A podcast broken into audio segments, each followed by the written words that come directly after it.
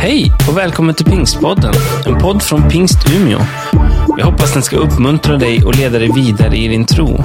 För att få mer information om Pingst Umeå och allt som händer i kyrkan, gå in på umia.pingst.se eller följ oss på Instagram och Facebook, at pingstumia.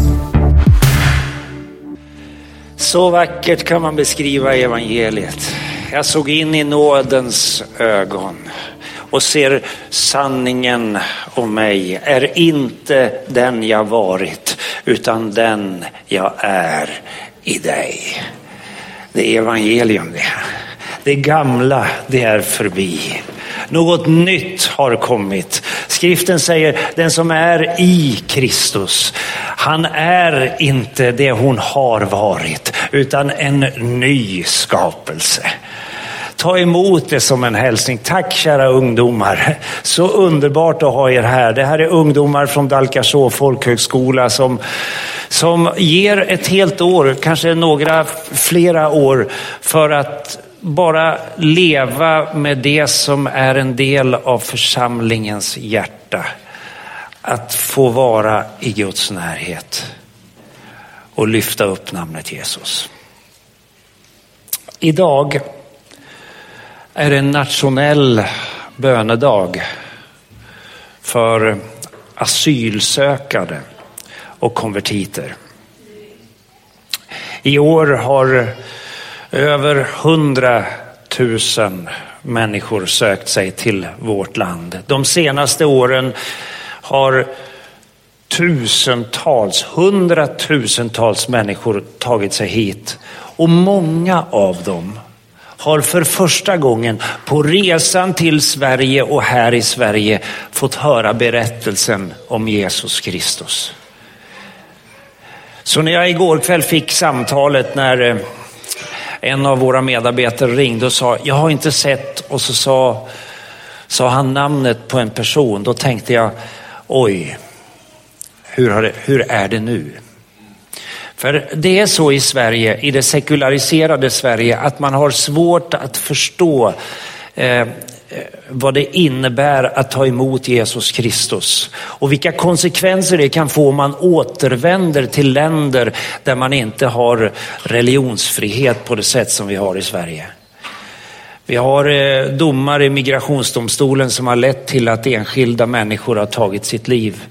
En av mina kollegor stod för bara för någon månad sedan och höll en begravning över en kille som när han fick beslutet om att han skulle utvisas inte såg någon annan möjlighet än att ta sitt eget liv. Församlingen samlades naturligtvis för att be och för att överlåta den här unga grabben åt Guds barmhärtighet. Hörrni, jag tänker vi reser oss upp och så ber vi. Låt oss be för vårt land. Låt oss be för alla migranter och asylsökande att, de, att Guds vilja får ske. Gud, vi ber. Vi tackar dig Herre för för att du är Herre. Du är Herre över nationerna. Det är liksom kungar och regenter. Vi tänker de har makt. Politiker som bestämmer. Men i skriften läser vi att du leder kungars hjärtan som vattenbäckar. Det är liksom du som är Herre. Och vi, be, vi vill bekänna över vårt eget land dig som Herre.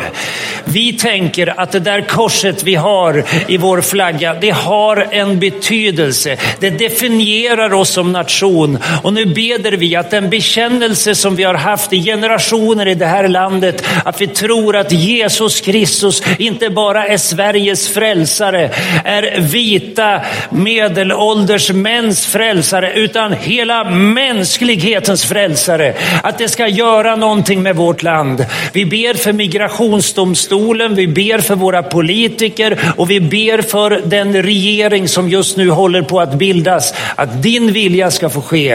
Sen Herre vill jag be för dem som vi har i vår närhet. Du vet de som finns med i gudstjänsten här idag som undrar vad ska det bli med mitt liv? Jag har ju fått höra om Jesus. Vad händer om de skickar tillbaka mig? Du vet om de grabbar som jag har träffat som har sagt att om jag skickas tillbaka så tänker jag att Gud ska vara med mig. Jag har lagt mitt liv i Jesu händer. Tack att var man än i världen vänd, vänder sig så, stå, så så är vi i dina händer. Och nu ber vi Herre om beskydd, om kraft, om kärlek. Och vi ber tillsammans med hela pingströrelsen i Sverige, tillsammans med alla kyrkor i Sverige idag för dessa stora frågor som inte vi riktigt har svaret på. Men vi förstår bara att vi ska möta människor med respekt och kärlek. Herre, förbarma dig. Vi ber i Jesu namn. Amen. Amen. Tack, tack för att ni, varsågod sitt, tack för att ni står med oss i bön. Jag tittar på en av grabbarna som, som vi har gett en fristad åt här i vårt eget hus. Vårt slitna hus som vi ändå använder. Vi, vi tänker att eh, det får gärna vara lite slitet. Det, vi bryr oss egentligen inte om det så länge det funkar. Det är liksom det som är det viktiga. När jag var häromkvällen, gick in på härberget och, och, och, skulle möta våra eh, romer och prata lite grann med dem och bara för att upptäcka att en del fick inte plats i härberget. Vi har ju åtta platser.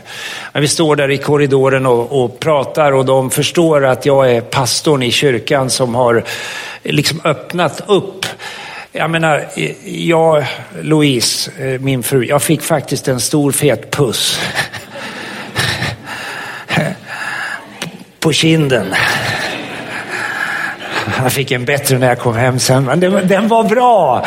I men, I men den var bra. Jag liksom kände, ja men det här är ju vad vi tror på. Vi, vi vet inte om, eh, vi, ja, men vi vet att det, det sker en massa saker som inte är bra.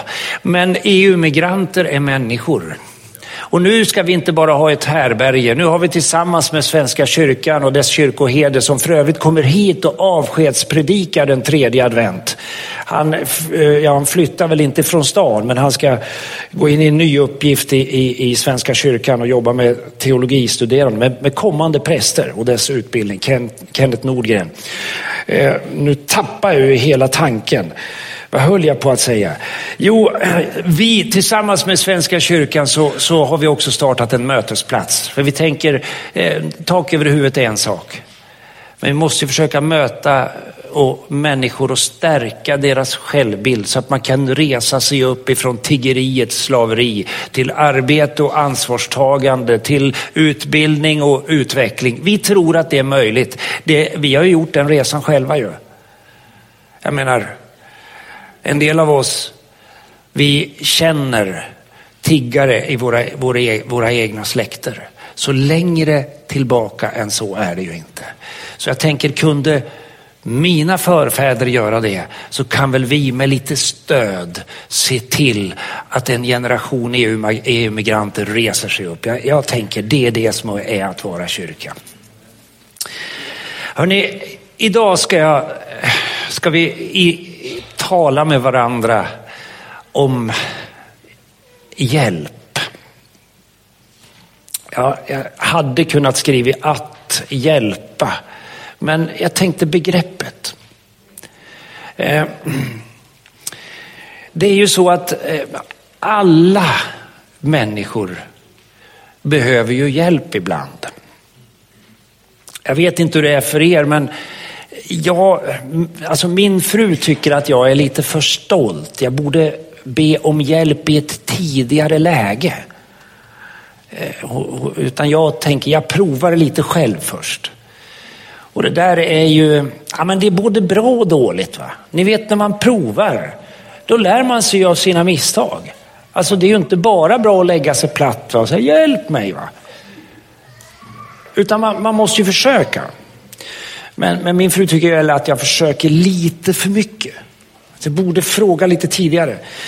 Jag, jag, jag menar, man, man, behöver, ibland behöver man hjälp liksom rent, alltså därför att man saknar kunskap. Jag tänkte på det här om, ja, nu är det väl en månad sedan när jag ringde till Daniel. Eh, alltså bakgrunden var den att jag har, jag har, jag har alltså min gamla, gamla, bärbara dator. Den gjorde en liten segelutflykt, segeltur så här. Eh, det ska inte bärbara datorer göra. Det är inte bra kan man säga. Den höll dock kan man säga. Så med lite tumtryck och sådär så kunde skärmen återställas och så lite vanlig genomskinlig tejp så höll den ett tag till. Men, men jag behövde ändå liksom göra någonting. Jag behövde byta dator. Och jag sköt det där framför mig därför att jag såg ju liksom allt som var i den gamla datorn och alla program som ska interagera och så ska det ju funka med telefonen och det är internet och det är koder hit och grejer och jag bara kände nej, jag fixar inte liksom. Så till slut så ringde jag Daniel. Och så berättade jag läget och sa att helst skulle jag bara vilja lämna in min gamla dator på kvällen och komma dagen därpå klockan åtta och hämta en ny. Eh, och då ska allting funka. Och vet ni vad han säger, den här mannen? Det är inga problem, sånt tycker jag är roligt. Ja, men ni vet, det bara lättade trycket, va? den där stressen. Va? Hur ska det här gå? Och jag kom med min dator, det är klart jag fick köpa en ny. Det fick jag göra och det var lite sådär. Eh, och så lämnade jag in den och, och, och så kom jag dagen på, öppnade datorn och den funkade. Ja, men tänk vad bra att få hjälp med någonting som man inte har kompetens att lösa själv. Det är ju jättebra. I somras så behövde jag väl egentligen lite annan typ av hjälp. Alltså jag, jag hade nog kunnat klara det själv med min egen spade. Eh, vi hade ju förmånen och möjligheten att köpa ett hus som var under uppbyggnad. Och ett, ett hus som inte hade en tomt som var i ordning gjord. Det fanns liksom inte en bra plats att köra in bilen på. Och det är klart, med hjälp av handkraft, som jag har förstått att vissa andra pastorer i församlingen använder, så, så hade jag naturligtvis kunnat klara det själv. Men, och här kan man ju fundera på om det var bra eller dåligt, men jag, jag ringde en, en som heter Urban. Han har en traktor. Och ni fattar ju liksom, där saknade jag kraft. Va? Jag hade kanske klarat det men det tog mycket längre tid. En liten spade, så kommer en stor traktor. Och du vet, han tog ju bara några små drag så bara brakade till liksom, så var det ju klart. Alltså ibland saknar man kraft. Och då behöver man be om hjälp. Och man behöver ju, nu var det ju så att jag fick ju köra den där traktorn också, det kan man ju säga. Det var ju nästan eh, det roligaste av allt. Att liksom få smaka på vilken kraft som finns utanför mig själv. Och som jag får bli en del av, bara några små drag. Så nu gjorde den nästan som jag ville också. Så att det, det var fantastiskt. Ja, men ibland så har man ju svårt att se värdet i sitt eget liv. Jag tänkte faktiskt på det igår när en av mina goda vänner fick för sig att hålla ett tal. Eh, Leif och Karin som sitter här i kyrkan idag. Vi har känt varandra sedan, ja är det, snart 30 år. Följt varandras barn växa upp. Varit med, delat glädje och sorg. Ni vet, som, som man gör när man är vänner. Och så får han lite rolig Leif, han får hälsa, honom, hälsa på honom sen. Han, han liksom reser sig upp och säger, nu ska jag hålla ett tal. Och vi sitter ju liksom i vardagsrummet, har just klämt av Så ska det låta liksom och njutit av Christer Hult, den här Christer ja, Sjögren heter han, som har sjungit massa sånger. Till och med fått mig att klämma en tår. Det är märkligt. Då håller han ett tal och läser ett ord och i liksom sammanhanget över helgen så talar han om, ja, men han bara trycker in Guds kärlek och mänsklig värme i våra hjärtan. Och jag tänkte när jag satt där i soffan och bara tog emot. Det här behöver man ju. Så bra. Det där får inte jag när jag tittar mig själv i spegeln. För då måste jag ju säga det själv och då tror jag knappt på det. Någon annan måste säga det. Och om en vän säger det är det ju underbart. Det är ju en enorm, ett enormt lyft. Men tänk att få höra Gud säga det. rakt in i hjärtat varje dag. Alla människor behöver hjälp. När Bibeln talar om, om, om Gud så beskriver ju Bibeln att, att Gud består av tre personligheter. Eh, och de gör tre saker. Gud är vår skapare. Och det, det säger ju oss att inte bara att Gud har satt igång allt sammans, inte bara att Gud eh, liksom ligger bakom det, utan det, han, han hade en avsikt med varje människa. Ditt och mitt liv var meningen. Det är inte en slump att du finns. När vi tittar på våra liv så ser vi ju brister och, och, och, och, och, svagheter och vi kan ibland tycka att vi inte riktigt är där vi borde vara. Men det säger Bibeln, att du är menad och att ditt liv var tänkt. För Gud är vår skapare. Eh, och det skulle man ju kunna tänka att det räcker ju. Det räcker väldigt långt. Att liksom veta att Gud har skapat mig och han älskar mig. Men nu säger ju Bibeln att Gud inte bara är, är den som har skapat oss, han är också vår frälsare.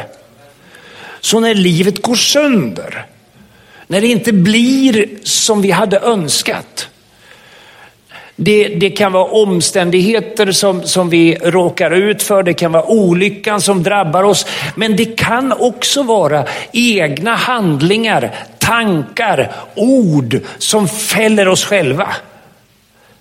Alltså den synd som drabbar oss utifrån är ju en sak. Den kan vi ju liksom gå skuldfria ifrån. Men den synd som vi själva orsakar, den, den bär vi ju med oss. Och har vi ömma samveten, alltså har vi, har vi kontakt med vårt känsloliv, då gör det där ont.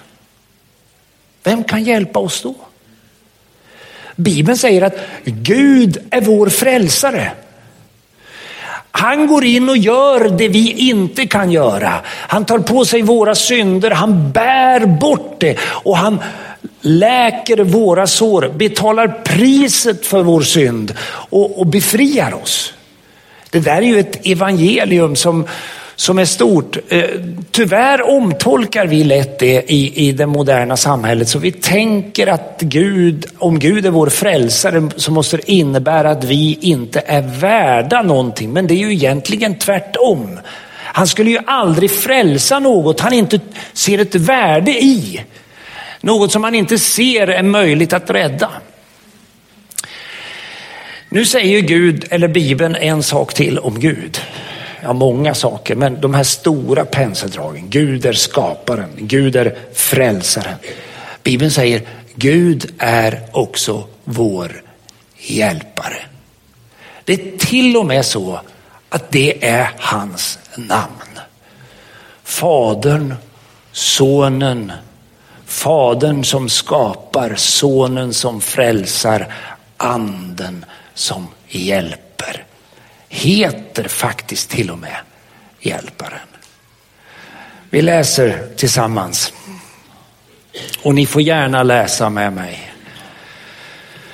Psalm 46, en av de mäktigaste som också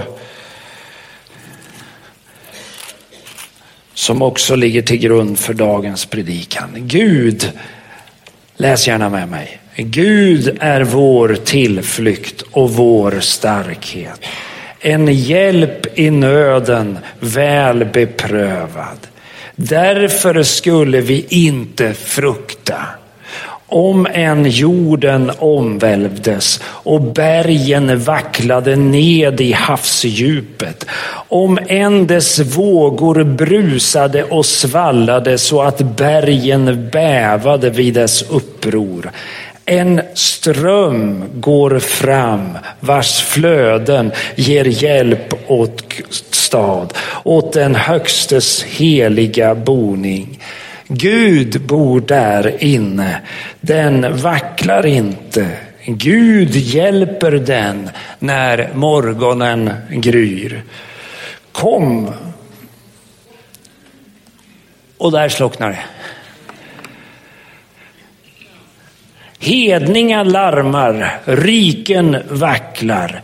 Han låter höra sin röst, då smälter jorden. Herren Sebaot är med oss, Jakobs Gud är vår borg.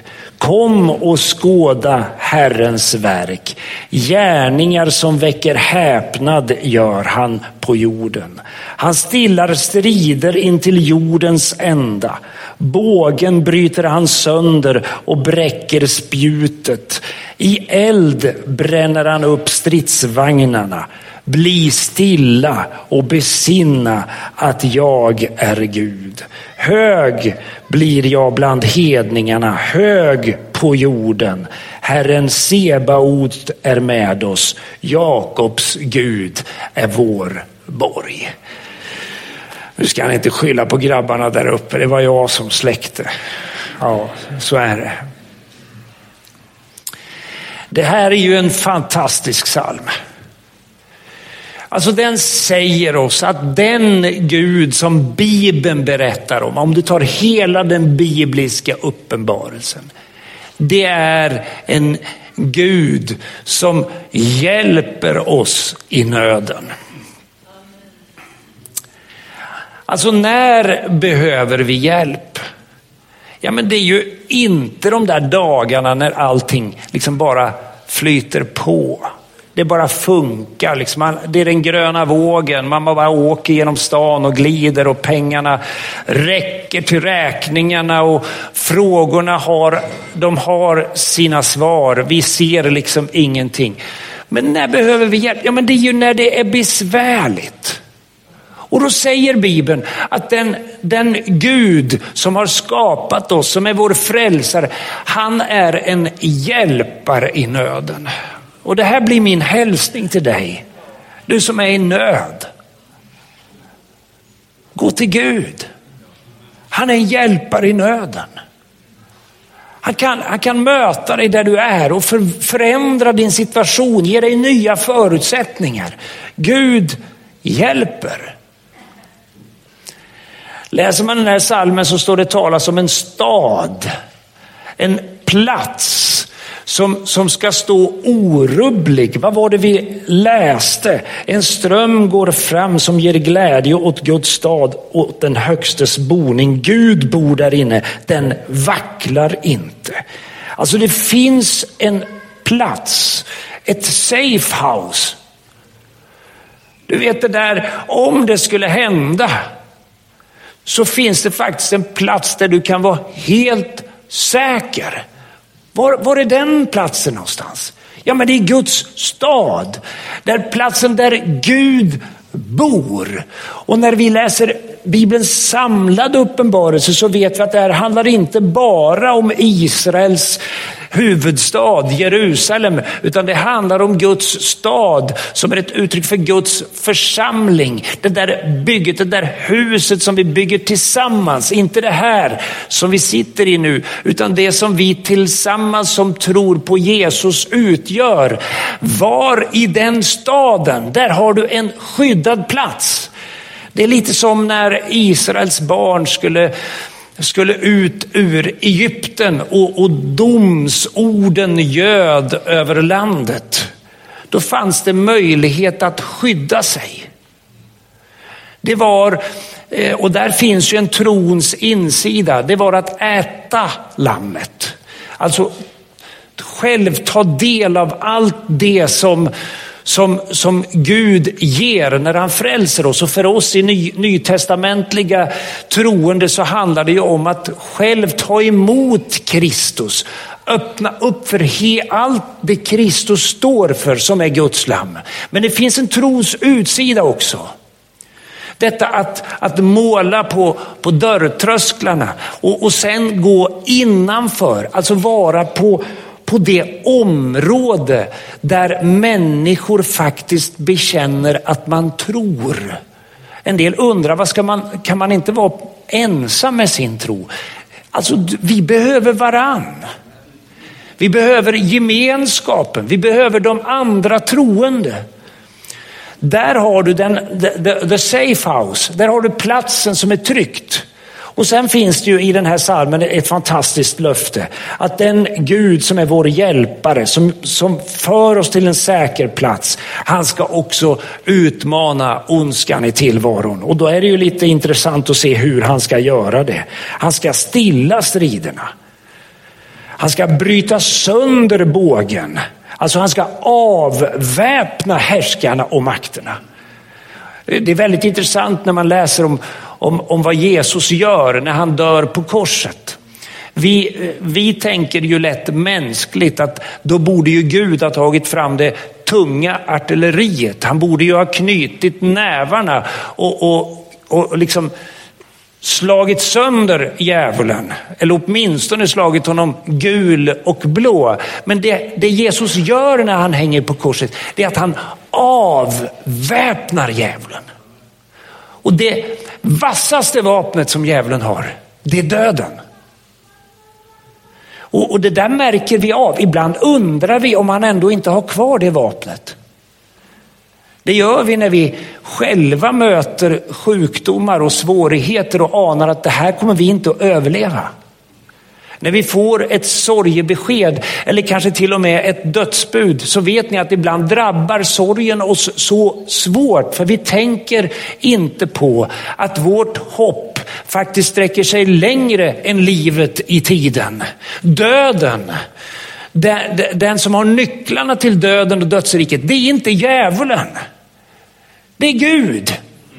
Jesus avväpnade djävulen. Så Bibeln frågar, du död, var är din udd? Död, var är din seger? Den som har nycklarna dit, han har nyckeln ut på andra sidan. Och han är vår frälsare, han är vår skapare, han är vår hjälpare. Så döden är av, alltså djävulen är avväpnad. Det är evangeliet. Och det här hade salmisten fått, få tag i. Så han tänkte, det här måste jag meditera över. Min vän, kära församling, bli stilla och besinna. När hela havet vågor, när det, när det gungar, vi undrar vad ska det bli? Bli, sinna, bli, bli stilla och besinna att det är Herren som är Gud. Att lägga sitt liv i Guds hand, det är att lägga sitt liv i skaparens hand. Det är att lägga sitt liv i frälsarens hand. Det är att lägga sitt liv i den vars hand kommer att hjälpa mig i nödens stund. Jag behöver inte vara rädd. Det här började lite smått att, att gå upp för lärjungarna. Vi tar nästa bild. Lärjungarna som följer Jesus, de eh, kan ju inte se att de kan få det tryggare och bättre än att leva tillsammans med Jesus. De följer honom eh, upp på bergen, ner i dalen, de hör honom tala. De, de får hans förtroende att gå hans ärenden. Han ger dem mandat att agera och hans vägnar. Och när de brukar hans namn så får deras ord samma effekt som när Jesus själv talar. Alltså de är ju förvånade över att till och med demonerna, liksom ondskan som vi har sett i människors liv, till och med demonerna far iväg när vi brukar ditt namn. Så de är, de, de, de, de gör det här och, och sen återkommer de hela tiden till Jesus. Och tänker väl ungefär så här att kan någonting vara bättre än att leva så här nära Jesus? Kan något skapa större trygghet? Och när vi har frågor, när vi inte riktigt förstår, ja men då frågar vi och då förklarar han. Och så får de den vägledning de behöver. Så börjar han helt plötsligt säga, när vi läser i, i Johannes evangelium, det 14, 15 och 16 kapitlet. Då börjar han prata om att, att han ska lämna dem. Ett avskedstal som, som börjar, eh, det, det, är som att han liksom förstår att det här kommer att, att, att göra dem oroliga. Så han säger, ta det lugnt bara. Känn ingen oro. Tro på Gud. Tro på mig. I min faders hus finns många rum. Skulle jag annars säga att jag går bort för att eh, bereda plats för er. Och om jag nu går bort för att bereda plats för er, jag ska gå bort och göra i ordning, så ska jag komma tillbaka. För att jag vill att ni ska vara det jag är. Men de liksom, ja men nu börjar det gunga här. Vart ska du någonstans? Och, eh, ska du lämna oss? Och, ja men eh, Filippos undrar och Jesus svarar ju de där legendariska orden att ja, men jag är vägen, jag är sanningen, jag är livet. Ingen kommer till Fadern utom genom mig. Och så får de den där andliga vägledningen som ju fortsätter med en förklaring av på vilket sätt Gud ska vara närvarande i deras hjärtan. Han säger, det är för ert bästa som jag lämnar er. För om inte jag lämnar er, då kommer inte hjälparen som Fadern ska sända i mitt namn. Så jag ska komma till er genom den helige ande. Jag ska inte lämna er ensamma. När man läser om, om hjälparen, den helige ande, så förstår man ju vilken underbar Gud vi har. Jesu möjlighet att vara tillsammans med lärjungarna var ju begränsad till den plats som han var. Var han i Jerusalem kunde han inte vara i, i Nasaret. Var han i Nasaret kunde han inte vara i Kapernaum. Var han i Kapernaum kunde han inte vara i Sykar och var han i Sykar kunde han inte vara i Jeriko. Alltså han var ju begränsad. Å andra sidan kan man ju tänka att man hade väl kunnat ha lite stormöten i Jerusalem eller kanske uppe i Galileiska sjön och på det viset hämtat vägledning och så klarat sig själva några dagar, en vecka eller så och så kommit och firat gudstjänst där. Men ganska snart skulle det ju bli för mycket folk. Ganska snart skulle det bli en, en, organisationsfråga. Hur ska vi få ihop det här? Vem ska laga maten och vem ska, jag menar, ni fattar ju. Så Jesus, han säger till lärjungarna, jag ska komma till er på ett annat sätt. Jag ska vara med er och i er på samma sätt som jag är med er nu fysiskt. Och lärjungarna de förstår inte det här men tänker att eh, Jesus säger det bra. En hjälpare som ska komma i Jesu namn. En som ska vara vid deras sida och aldrig lämna dem ensamma. När man läser om vad Jesus säger om, om, om hjälparen, om den helige ande, så jag menar, han säger många olika saker, men det, det, är ganska tydligt att han talar om tre områden. Han säger hjälparen kommer att ge er kunskap. Han ska lära er och påminna er och vägleda er. Smörjelsen ska undervisa, alltså kunskap om livet med Gud, kunskap om oss själva och framförallt ska ska anden förhärliga, förklara vem Jesus är. Hjälparen ger kunskap. Jag gillar ju själva tanken lära er och påminna er. Jag vet inte hur det är för er, men mitt minne är inte alltid perfekt. Alltså. Jag har väldigt mycket i huvudet, men jag kommer inte ihåg det. Jag vet inte hur det är för er. Men, men då kan en sång, en doft, ett ord, en händelse kan väcka minnet till liv.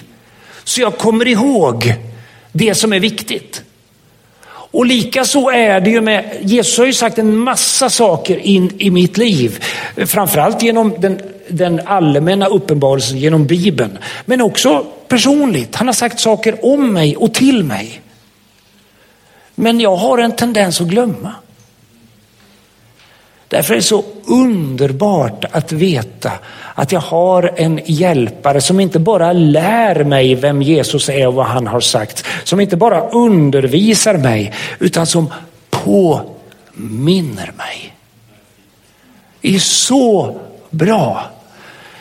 Det, det, nu har jag redan överskridit gränsen om allt tal om min fru, så jag får väl sluta nu. Men jag blev frestad faktiskt, för hon brukar påminna mig om saker, inte bara om bra grejer, eh, men, men oftast.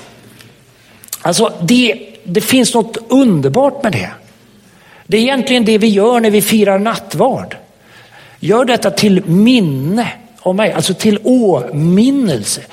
Brödet och vinet är en hjälp att komma ihåg vad Jesus har gjort. Men det är också en hjälp att komma ihåg när du och jag sa ja till honom, när vi tog emot i tro, när vi lät döpa oss och vigde våra liv till Kristus. Hjälparen påminner, lär påminner, undervisar och vägleder. Alltså Daniel, min vän som hjälpte mig med datorn, den helige ande är bättre. Alltså det finns en kunskap där om Gud som jag aldrig kommer att få. Det är lite som, som att gå på, ett, ett, eh, gå på en utställning och höra konstnären som har gjort verket berätta om konstverket. Det var det här jag ville. Ser du ljuset här? Ser du den lilla händelsen där? Det är det här som är mitt ärende. Alltså en hjälpare som ger kunskap. Nu är ju kunskapen om Gud den viktigaste men det är också bra att titta in i den helige andes spegel när det handlar om våra liv. För då kommer vi att få sanningen om oss själva.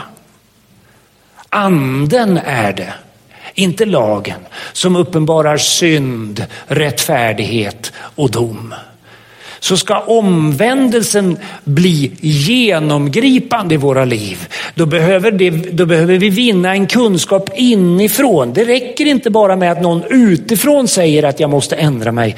Jag måste vinna den på insidan så att jag av hjärtat vill förändringen. Pånyttfödelsen, hur sker det? Det är den heliga ande. Ingen som är, alltså, människan måste födas på nytt av vatten och ande, annars kan hon inte se Guds rike. Men hjälparen vill göra det där i våra liv. Så ger ju hjälparen oss den sanna bilden av Jesus. Hjälparen som ska Fadern ska sända i mitt namn, han ska lära er allt vad jag har sagt, säger Jesus. Och lärjungarna lyssnar på det här och undrar, ja, men hur, hur ska det där gå till? När ska det ske? De följer Jesus, de ser honom dödas. De möter honom upp, uppstånden och hör honom åt, eller ser honom återvända till himlen och tänker när ska han sända den där hjälparen? Nu har han ju lämnat oss, det går tio dagar och så kommer pingstdagen. Och de tar emot hjälparen och förvånas ju då över att det här handlar inte bara om hjärnans, den intellektuella kunskapen, inte bara om hjärtats kunskap. Ni vet den där erfarenhetsbaserade kunskapen som man, som man har liksom i kroppen därför att man har varit med om det. Det här är ju också en Guds kraft. Det var ju det han sa och det är den andra stora grejen som den heliga ande ger.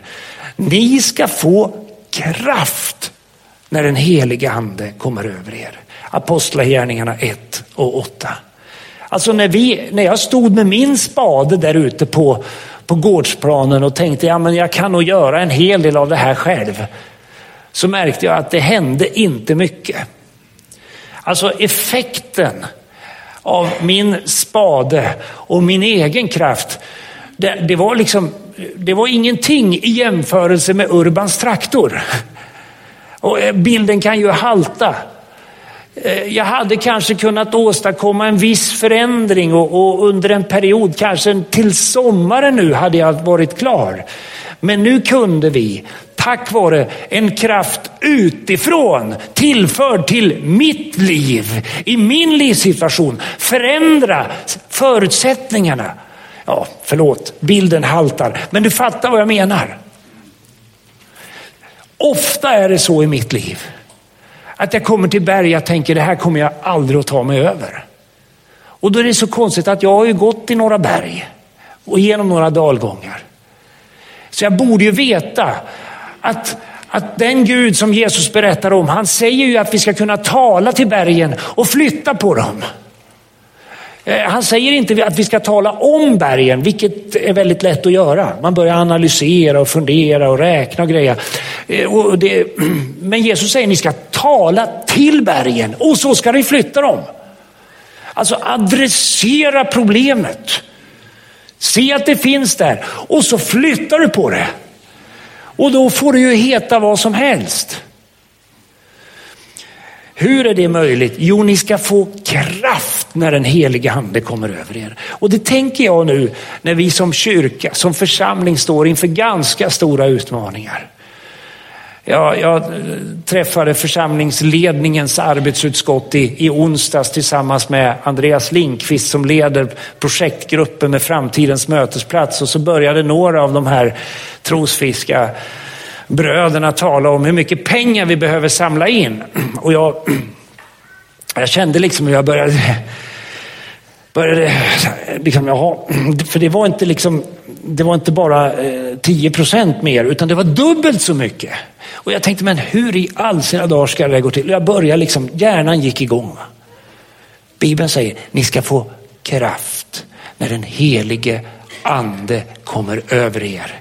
Och ni ska bli mina vittnen, inte bara i Jerusalem, inte bara i Umeå på Kungsgatan, inte bara i centrala stan, inte bara i, i Umeå kommun, inte bara i Västerbotten, utan till jordens yttersta gräns. Ni kommer att fixa det. Och de undrar ju, men vad säger han?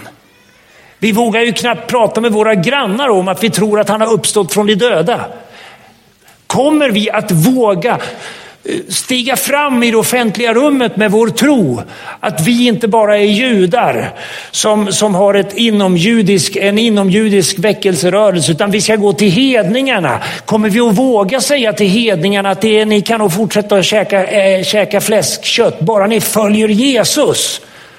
Alltså kommer vi att klara av att vara en mångkulturell församling som rör, rör om hela Romar... Alltså de, eh, jag menar, om de började tänka sådär så var det ganska lätt att bli försiktig.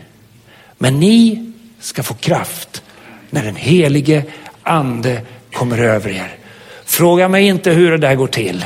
Be mig inte om tekniska svar. Jag fixar inte. Men Bibeln säger att om vi omvänder oss, låter döpa oss, så får vi den helige ande som gåva och syndernas förlåtelse. Bibeln säger att på, på den som längtar, på den som längtar efter detta kan du lägga din hand och den kan ta emot och så kan undret ske. Inte bara kunskap, inte bara kraft. Det är frestande att stanna där. Men Bibeln säger, Romarbrevet 5 och 5, att Guds kärlek har ingjutits i våra hjärtan genom den helige ande. Ni vet, kraft utan förstånd, det är livsfarligt. Kraft utan kärlek. Det kan åsamka stora skador. Men kraft brukat med förstånd, med den kunskap som finns hos Gud. Ni vet, och para det med kärlek. Och ni vet, då kan vi förändra världen. Och då kan det, då kan det handla om den stora världen. Det som handlar om vår, vår, vår nation, vårt Europa, eh, att demokratisera i Mellanöstern eller det kan handla om det där stora men det kan handla också om den lilla världen. Kraft, kunskap och kärlek. Det förvandlar ditt liv. Gud, säger skriften, han är vår hjälpare. Därför tänker jag Låt oss inte vara för stolta. Gör inte som jag gör ibland. I lite för lång utsträckning. Utan våga be om hjälp. Alltså när vi ber varandra om hjälp då blottar vi ju faktiskt lite grann vår svaghet. Men Bibeln säger att det är den som vågar visa sin svaghet det är där kraften kan fullkomnas. Det är bara den som ställer fram sitt kärl som får det fyllt. Den som sätter på locket. Den som ställer det åt sidan och tänker vi inte ska vi väl slösa med Guds underbara gåvor. Den sitter där med sin kruka. Men den som kommer med sin kruka och säger här är jag. Fyll mitt liv. Jag behöver kraft. Jag behöver vishet och kunskap. Jag behöver det som den helige ande ger. Jag behöver den kärlek som strömmar ifrån Jesus Kristus.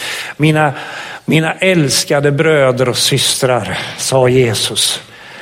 Ni ska få något som är bättre än min fysiska närvaro. Ni ska få den helige ande och han är en hjälp i nöden väl beprövad. Han för er till fristaden där ni är, där ni kan bevaras och han avväpnar fienderna utanför ditt liv men också fienderna i ditt eget hjärta.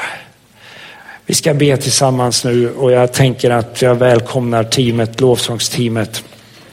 Och ni vet ju att vi har, välkomna fram, vi har, vi har två Ja, vi har väl egentligen kan man säga tre förbönsplatser. Man kan, man kan stå eller sitta där man är. Man kan böja sina knän precis på stället om man vill eller knäppa sina händer, lyfta sina händer precis där man är. Det är en jättebra böneplats. Men vi har en plats här framme där man kan gå fram och tända ett ljus och be en bön. Man kan, man kan faktiskt ta en penna och så kan man skriva Gud, hjälp mig. Jesus, förbarma dig. Och så skriver man vad det är för någonting, viker ihop lappen, sätter det på korset och sen kommer vi innan, innan gudstjänsten är slut och be tillsammans med dig för det du har skrivit. Vi, vi kommer inte att läsa upp ditt, ditt, det du har skrivit, så det, det är sekretess på det. Men våra förebedjare kommer att samlas kring alla de bönämnena och be för det. Sen har vi en plats längst ner under, under under läktaren där vi har den där personliga förbönen. Du som tänker, tänk om någon ville be för mig. Jag behöver kraft. Jag behöver kärlek. Jag behöver kunskap. Vad det än är, öppna ditt liv för en helig ande. Jag tänker det, det finns ingen bättre kraft i hela den här världen än den kraft som strömmar ifrån Jesus Kristus. Ska vi resa oss upp och så, så ber vi och, och söker Gud tillsammans. Gud, jag vill tacka dig. Tack för att du är här. Tack att du är här. Du vet den som kom hit med det där stora berget, den där tunga ryggsäcken. Och bara tänkte det här går inte längre, jag orkar inte mer. Jag tackar dig för syndernas förlåtelse. Tack att du hjälper oss med det allra svåraste. Tack att dina ord uttalas över våra liv. Dina synder är dig förlåtna. Jag tackar dig.